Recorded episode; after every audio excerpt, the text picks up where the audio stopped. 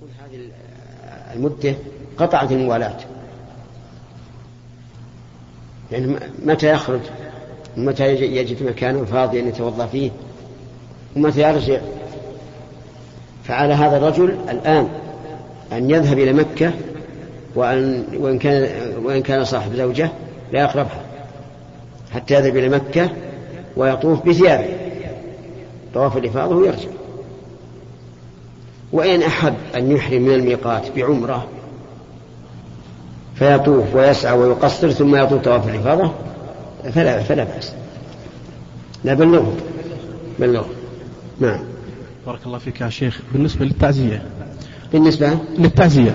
تعزية؟ للتعزية نعم في البيت يقيمونها ثلاثة أيام. أحيانا العم أو ابن الخال أو ابن العم يأمرك بالتواجد في التعزية. وتحدث لنا إحراجات يعني قد يكون خصام بين العم وقد لا يكلمك أشهر وقد حدث هذا معنا. فما قولك بارك الله فيك. الاجتماع للتعزية بدعة. ما كان النبي صلى الله عليه وسلم ولا أصحابه يجتمعون لها مع أنه أحيانا يصحبها من المنكرات أشياء كثيرة. فلا تحضر الاجتماع. ولا تفتح بابك للاجتماع. ومسألة أن فلان يغضب أو لا يغضب لا عبرة به. ما دام هدي النبي صلى الله عليه وسلم يخالف هذا نحن مأمورون باتباع الرسول عليه الصلاة والسلام. قال الله تعالى ويوم يناديهم فيقول ماذا أجبتم المرسلين؟ ثم إن في فتح الباب للتعزية. إشعار بأن أصحاب المصيبة ما رضوا كأنهم يقول للناس يا أيها الناس إيه تعزون؟ وفي الله عز وجل عزاء من كل هالك. فأرى أنه أن تقاطعها. ومن هجرك أو قطع صلتك فالإثم عليه. هو أنت لا تهجره ولا تقطع صلته والإثم عليه. هو نعم. فضيلة الشيخ ما حكم المداومة على ذكر لم يرد عن الرسول صلى الله عليه وسلم في وقت معين؟ كان يقول بعد كل صلاة عصر بسم الله علي وعلى ذريتي وعلى أهلي وعلى أهل بيتي وعلى ونحو ذلك له على كل حال ورد هذه من الأوراد من الأوراد. والأوراد المسائية تكون من بعد العصر ومن بعد الغروب.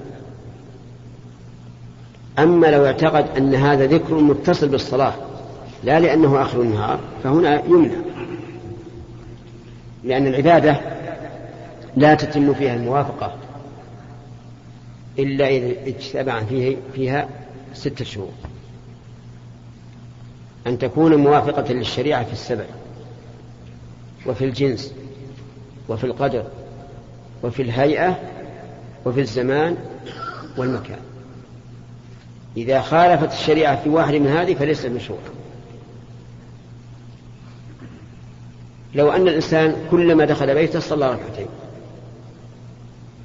وقال هذا تطوع بالصلاة ما فيه نقول لا. تقييدك هذا بدخول البيت بدعة. لم يرد في الشريعة أن دخول البيت سبب لصلاة ركعتين.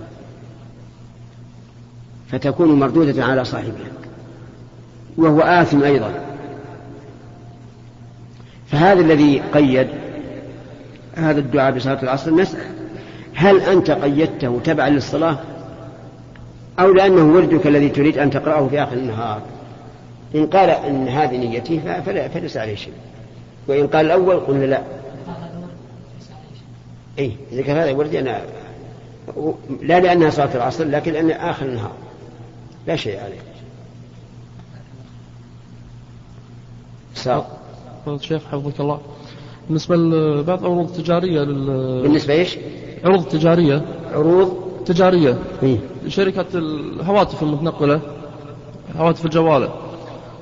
في الأصل الشركات يعني تلزم المشترك في في اشتراك سنوي. يدفع اشتراك سنوي ملزوم فيه.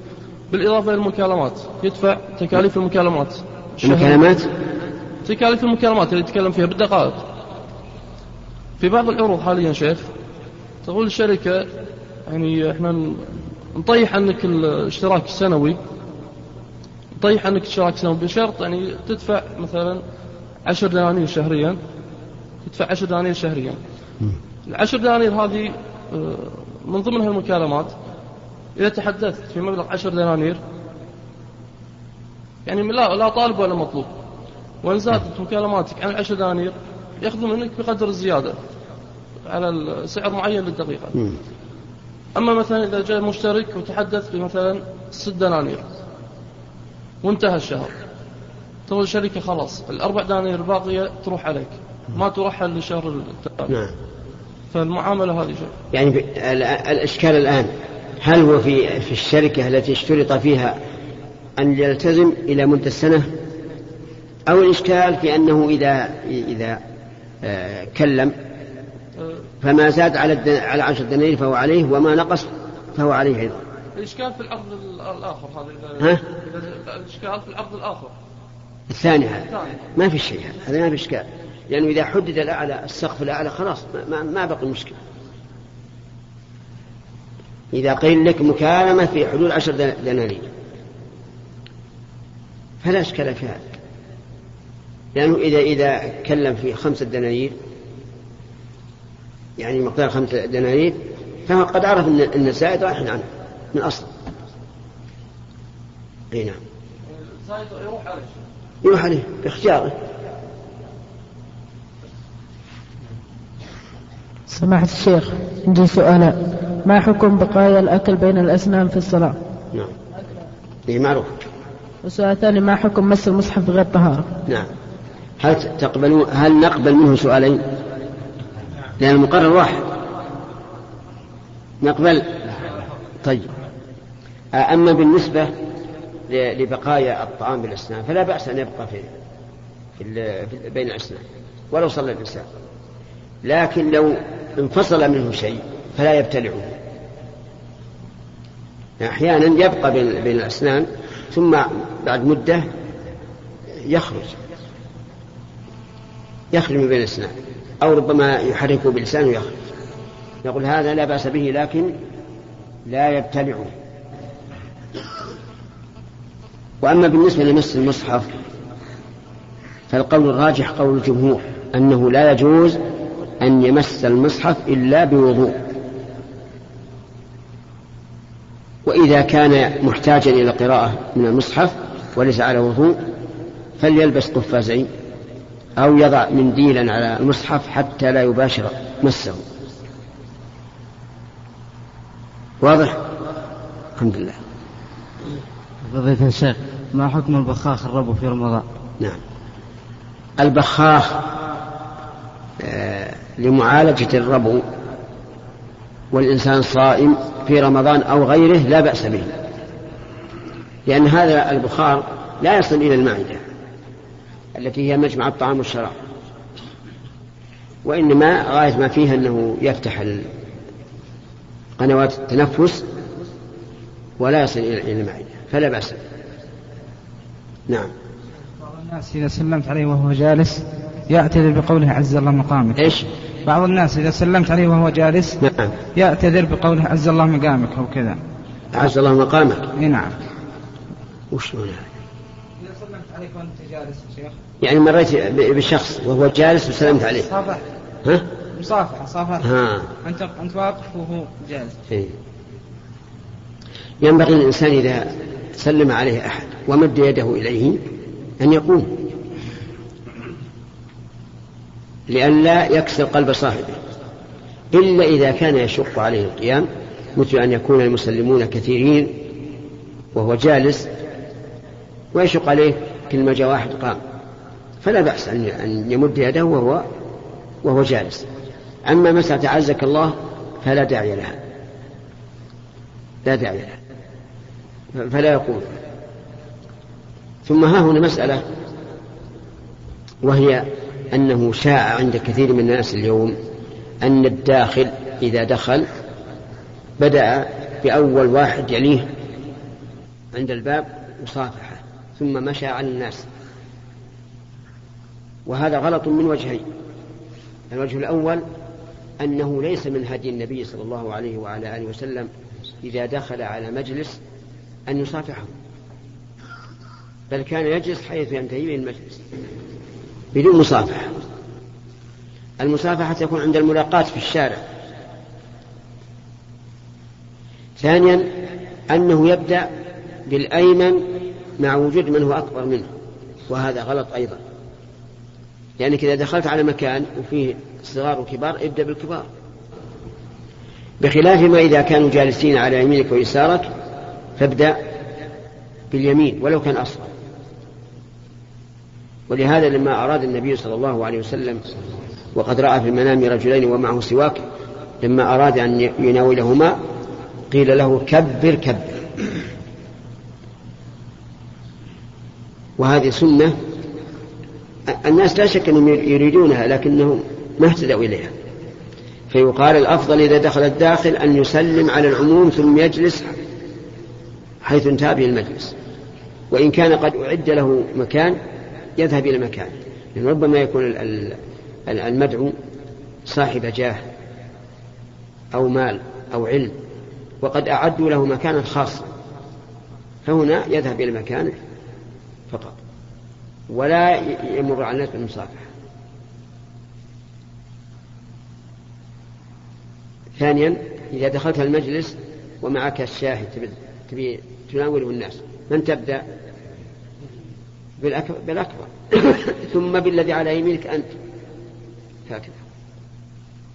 مثلا إذا كان الأخ هو الأكبر نعطيه إياه أول. ثم ثم يعطيني إياه ولا يعطي الثاني؟ الثاني اللي على يمينه هو. لأن الصاب له يمين ويسار. فإذا ناول الأكبر قلنا من على يمينك؟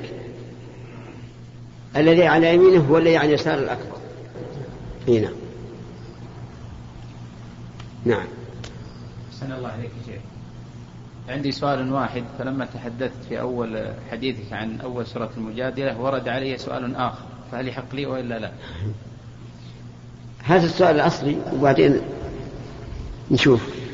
قول الله سبحانه وتعالى قول الله سبحانه وتعالى حتى إذا استيأس الرسل وظنوا أنهم قد كذبوا. نعم. جاءهم نصرنا فنجي من نشاء. تفسير هذه الآية أحسن الله إليك. إذا استيأس الرسل يعني استبعدوا نصر الله عز وجل. وظنوا أنهم قد كذبوا أي أن الذين أظهروا لهم الإيمان أظهروه كذبا. وهذا تفسره القراءة الثانية. وظنوا أنهم قد كذبوا. جاءهم نصر. وإنما يظنون ذلك لأنه إذا لم يأتي النصر. وهؤلاء مؤمنون. والمؤمنون موعودون بالنصر. ظن الرسل أن هؤلاء الذين يقولون إنهم مؤمنون كاذبون عليهم. واضح؟ وش الإشكال؟ الإشكال فيه ضمير أنهم يعود على من؟ على على الرسل. قد كذبوا. قد كذبوا أي, أي من قبل قومهم. يعني يوضح القراءة الأخرى قد كذبوا. قد كذبوا نعم. تفسر عليه. تحمل عليها أي وهو كذلك. لأنه لا يمكن أن يكون الرسل يظنون أن الله قد كذبهم بوعد النصر. نعم. هذا لا لا يظن. لا يمكن. بل نقول قد كذبوا أي قد كذبهم قومهم في قولهم إنهم مؤمنون. مثل قوله قد كذبك وهو صدوق. أو صدقك وهو كذوب أو ما أشبه ذلك. الله السؤال الآخر يا شيخ ولا ما ما أدري أخاف أخاف يفتح الباب. أنا ذكرت يا شيخ أنا عندي سؤال واحد لكن لما تكلمت ورد سؤال آخر أجل خلوا آخر شيء إن, بقي لكوكس شيخ جزاكم الله خير وأحسن إليكم ونفع الله بعلمكم. أخوك حسين بن حارثي من جمعية تحفيظ القرآن الكريم بالجرشي الله يحييك. الله يسلمك ويعافيك. حضرنا حفلكم البارحة. جزاكم الله خير. على كل إن عندي سؤال. بناء على سؤال أحد الإخوة من ناحية العزاء. فهذا قائم عندنا الله المستعان في المنطقة هناك. التجمع لمدة ثلاثة أيام. ولكن السؤال هل يعني يعمل لهم طعام خاصة إذا كان الميت قريب أو جار فيجب يعني صنع طعام كمساعدة أو كصلة. فهل نصنع هذا الطعام لهم ونأكل معهم أو لا والله لا تصنع. أيوة. إذا فعلت هذا أنتم على على ما هم عليه. وقول الرسول عليه الصلاة والسلام يصنعوا لآل جعفر طعاما فقد أتاهم ما يشغلهم بين الرسول العلة. ما في دليل لهؤلاء المبتدعين.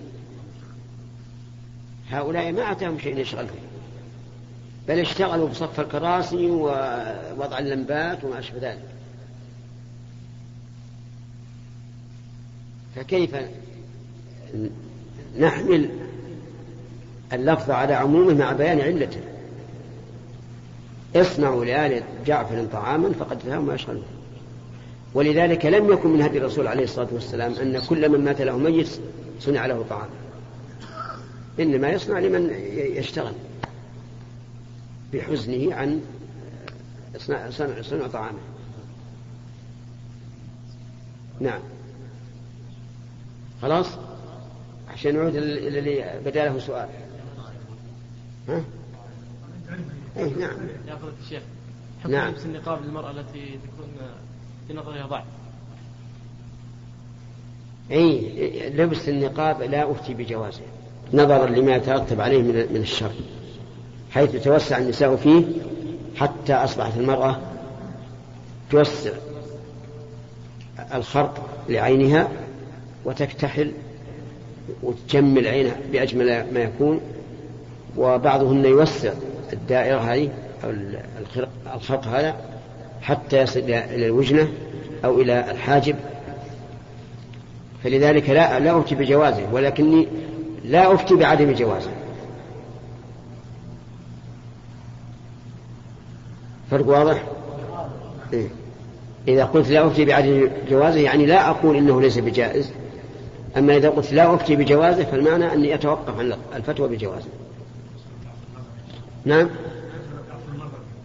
أبدا من يتقي الله يجعله مخرجا. وهذه تجي تقول أنا لضعيفة النظر وتجي امرأة شابة من أحسن النساء نظرا تقول عندي ضعف نظر. حتى الشيخ لو تضع هم أنا قلنا. أي أنت مثل الرجل الذي قيل له أن الحلف بالنبي حرام ما يجوز. وجاب الأدلة المفتي. قال والنبي ما ما أحلف بالنبي. على طول. وش عندك السؤال اللي, اللي... إيه نعم.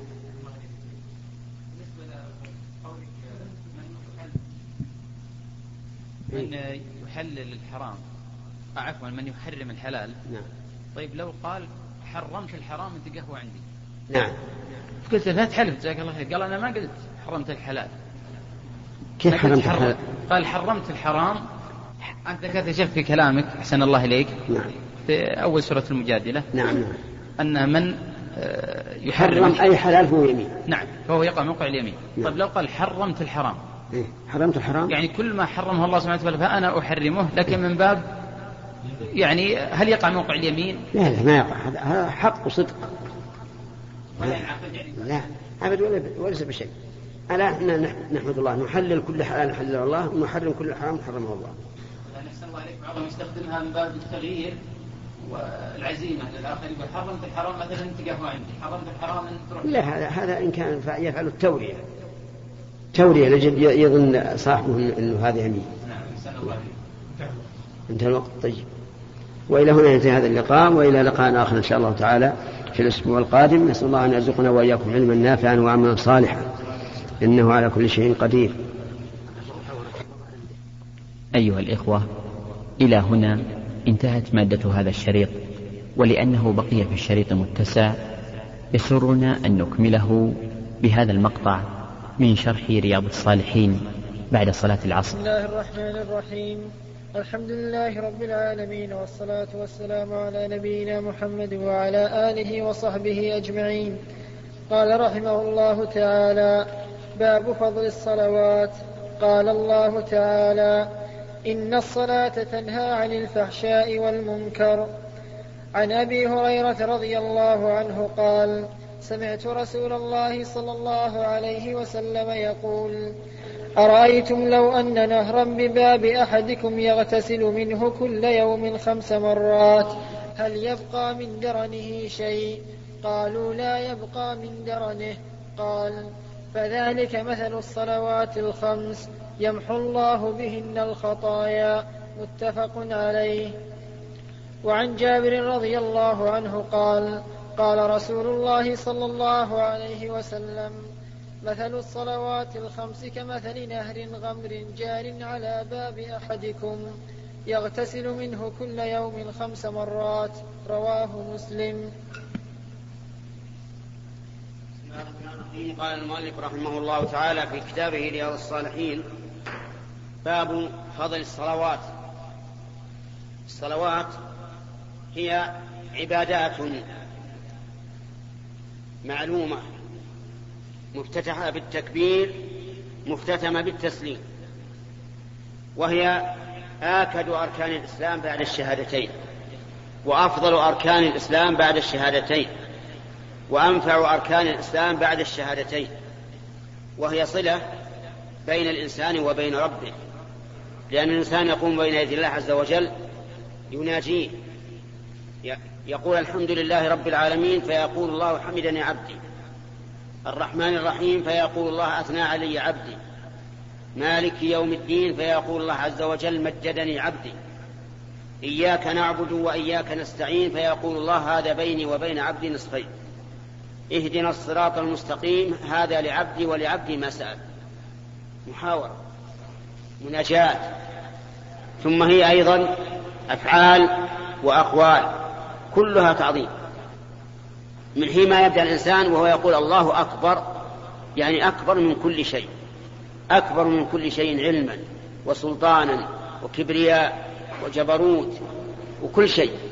أكبر من كل شيء. السماوات السبع والأراضون السبع في كفه كخردلة في كف أحدنا. يطوي الله السماوات على عظمها يطويها بيمينه عز وجل. ويقبض الأرض على كبرها كقبضة أحدنا بيده على الشيء. فليس فليست كل المخلوقات ليست إليه بشيء. الله أكبر. ثم يناجيه بكلامه. ثم ينحني تعظيما له بفعله ويعظمه بلسانه. يقول سبحان ربي العظيم. ثم يرفع ثم يسجد. وهذا الرفع من أجل الفصل بين ركن التعظيم وركن الذل. ركن التعظيم هو الركوع. وركن الذل هو السجود. ولهذا قال النبي صلى الله عليه وسلم أما السجود فعظموا أما الركوع فعظموا فيه الرب. ثم يسجد ذلا لله وخضوعا فيضع أشرف ما به على مستوى أقدامه التي هي أسفل أسفل ما به. يضع جبهته على الأرض ذلا لله وخضوعا لله عز وجل. ثم يقول سبحان ربي الأعلى تنزيها لربه سبحانه وتعالى عن السفول. فالإنسان الآن سفل وجهه في الأرض. فيقول سبحان ربي الأعلى كأنما يقول سبحان من تنزه عن السفول فكان أعلى فوق كل شيء. جل وعلا. فالصلاة عبادة عظيمة. نسأل الله أن يفتح علينا وعليكم حتى نعرف قدرها. ويدلك على فضلها وعظمها ومحبة الله لها أنه ما من فريضة فرضت على الرسول عليه الصلاة والسلام إلا بواسطة الوحي. إلا الصلاة فرضها الله على رسوله من, من الله إلى الرسول. كفاحا كلمه بها. وفرضها عليه في أعلى مكان يصل إليه البشر. وفرضها عليه في أشرف ليلة كانت لرسول الله صلى الله عليه وعلى آله وسلم وهي ليلة المعراج. وفرضها عليه عددا كبيرا خمسين صلاة في اليوم والليلة لأن الله يحبها ولأن ثوابها عظيم. يتجزل الرب عز وجل بعباده به ولكن من لطف الله أن الله خفف حتى صارت خمس صلوات عن خمسين صلاة. اللهم لك الحمد. الصلاة لها ثمرات جليلة عظيمة. منها ما ذكره الله تعالى في الآية التي صدر بها المؤلف هذا الباب. إن الصلاة تنهى عن الفحشاء والمنكر. الفحشاء فواحش الذنوب. كالزنا واللواط وما أشبهه والمنكر ما دون ذلك. الصلاة تنهى عن الفحشاء والمنكر لكن متى؟ إذا كانت صلاة مقامة على الوجه الأكمل. ولهذا نجد نجدنا كثيرا نصلي ولا نجد القلوب تتغير أو تكره الفحش أو المنكر بعد الصلاة أو يكون الإنسان بعد الصلاة خيرا منه قبلها. ما نجد هذا. لماذا؟ لأن الصلاة التي نصليها ليست الصلاة التي تنهى عن الفحشاء والمنكر وإلا فكلام الله حق ووعده صدق. الصلاة تنهى عن الفحشاء والمنكر. إذا كنت قد هممت بالسيئة أو كان قلبك يميل إلى المعاصي فإنك إذا صليت امنح ذلك كله. لكن بشرط أن تكون الصلاة التي تراد منك والتي تريدها أنت لله عز وجل صلاة أكمل ما يكون.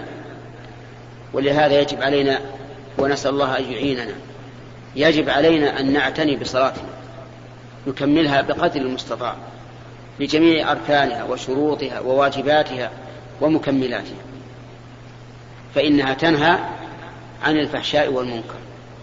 قال بعض السلف من لم تنهه صلاته عن الفحشاء والمنكر لم يزدد بها من الله إلا بعدا.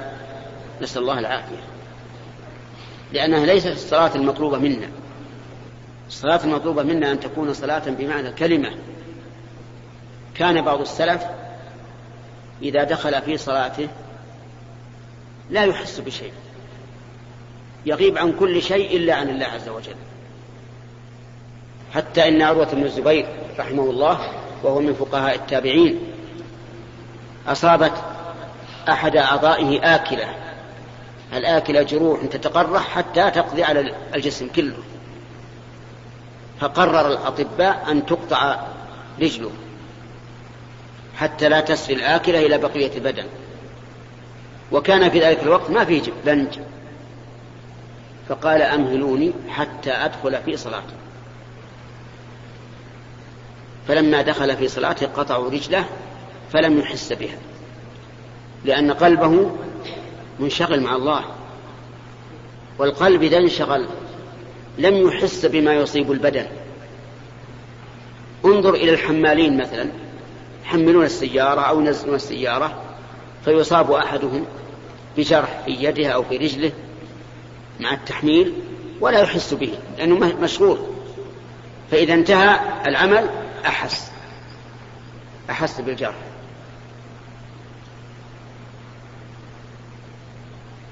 فالإنسان في صلاته لا بد أن يكون مع الله عز وجل. لا إذا دخل في الصلاة يذهب قلبه يمينا وشمالا كما هي العادة عند كثير منا. ولا تتسلط الهواجيس ولا الوساوس اللي ما لها أصل ولا فرع إلا إذا دخل الإنسان في الصلاة. جاء الشيطان يقول له اذكر كذا اذكر كذا افعل كذا لا تفعل كذا. وهذا يخل بالصلاة. ربما ينصرف الإنسان ما له من صلاته شيء وإن كان تبرأ الذمة لكن ما له ما ما أدرك شيئا منها. وكان عمر رضي الله عنه يجهز جيشه في الصلاة. فأخذ البطالون من هذا أنه لا بأس أن الإنسان يهوجس بصلاته ويوسوس ويفعل ويترك. لأن عمر يجهز الجيش. لكن تجهيز الجيش جهاد في سبيل الله. والجهاد في سبيل الله يجوز أن يدخل على الصلاة. ولهذا نجد أن الله شرع للمسلمين صلاة الخوف. صلاة الخوف فيها أفعال ما تفعل في غير, في غير الخوف كما هو معروف لطلاب العلم.